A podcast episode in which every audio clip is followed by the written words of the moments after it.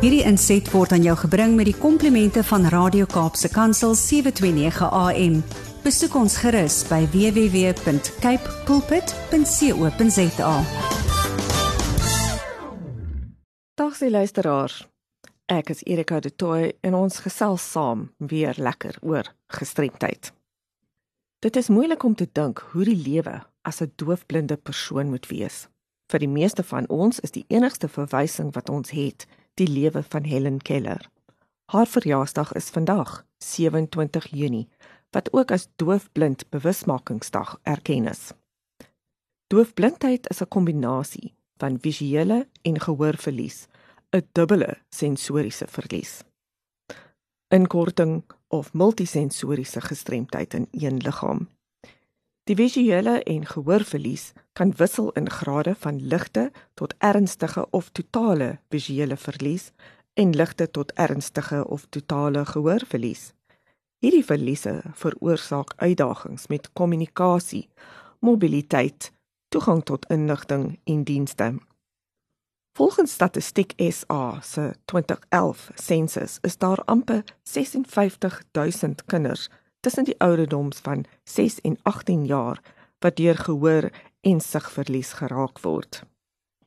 Doof blindheid kan aangebore wees of verworwe en daar is meer as 100 oorsake van doof blindheid.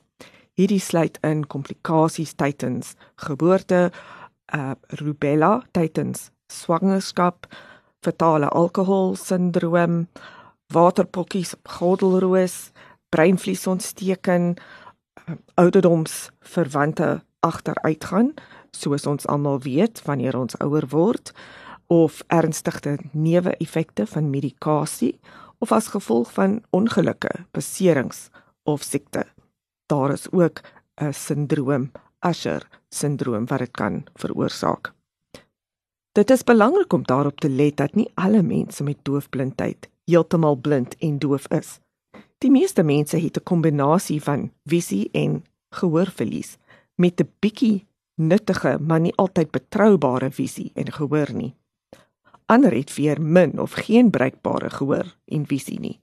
'n Persoon kan byvoorbeeld doof of gehoor gestremd gebore word en later in sy lewe sy of haar visie verloor. 'n Ander persoon kan as 'n blinde of siggestremde groot word en later 'n gehoorverlies ervaar. Dan weer sommige mense word gebore met gekombineerde visie en gehoorverlies of verloor hul sig en gehoor op 'n vroeë ouderdom. Hierdie kombinasie van visuele en gehoorverlies het 'n beduidende impak op 'n persoon se lewe, maar meer spesifiek rondom mobiliteit en kommunikasie. Die persoon moet dan leer om of 'n wit kierie of ander elektroniese riettoestelle te gebruik of miskien 'n gidsond te kry. Daar is ook stemaanwysings van selfone wat kan help en persoonlike bystand waar daar altyd 'n persoon saam met die doofblinde persoon is. Dan is daar tasbare aanwysings op sypaadjies en auditiewe en vibrasiesyne by padkruisings. Ek dink meeste van ons is bekend met met daai laaste. Afhangende van die mate van visuele en gehoorverlies, kan die persoon eer of meer van die volgende maniere gebruik om te kommunikeer. Daar is natuurlik verbaal kommunikasie met gesigsuitdrukking en lyfstaal. Dan is daar enkel of twee handse vingerspelling, tasbare gebaretaal waar daar direk kontak met die doofblinde persoon se hande is, spraaklees vir mense met swak sig op 'n kort afstand. En dan tadoma die doofblinde persoon plaas sy of haar hand op die spreker se gesig deur die duim op die lippe en voorvinger op die onderste kaakbeen te plaas en die ander drie vingers op die stembande sodoende kan die doofblinde persoon die beweging van die lippe die onderkaaklyn en vibrasies van die stembande voel. Dit is ook 'n moontlikheid dat groot notas geskryf kan word of op die persoon se handpalm te skryf soos ons gedoen het toe ons kinders was. En dan is daar elektroniese kommunikasie en leestoestelle selfone en rekenaars met bystandprogramme en soos ons in Engels sê voice-overs. Daar's braille skerm, sleutelbord, elektroniese visuele visiebril en so baie ander. Kognitiewe ontwikkeling en skoolopvoeding is die hoofuitdagings vir ouers en onderwysers van kinders wat doofblind gebore is in spesiale of hoofstroomskole afhangende van die kind se graad van sig en gehoorgestremdheid. Openbare onkunde en die tradisionele stigma oor doofblindheid is ook een van die redes waarom doofblinde kinders nie behoorlike opvoeding ontvang nie. Met die korrekte hulpprogramme en toestelle en ondersteunende onderrig is selfs tersiêre opleiding moontlik.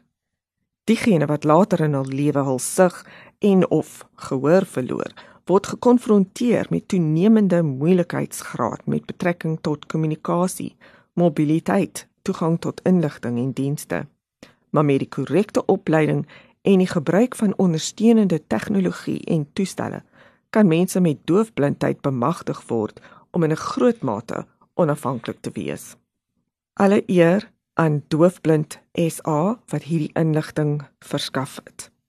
Doofblind SA werk om die isolasie wat mense omring wat doofblind is te verbreek.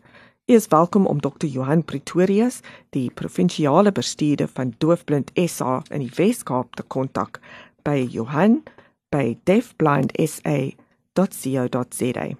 Weereens stuur gerus enige navrae aan my by awareness@wcapd.org.za of skakel my kantoor by 021 355 2881.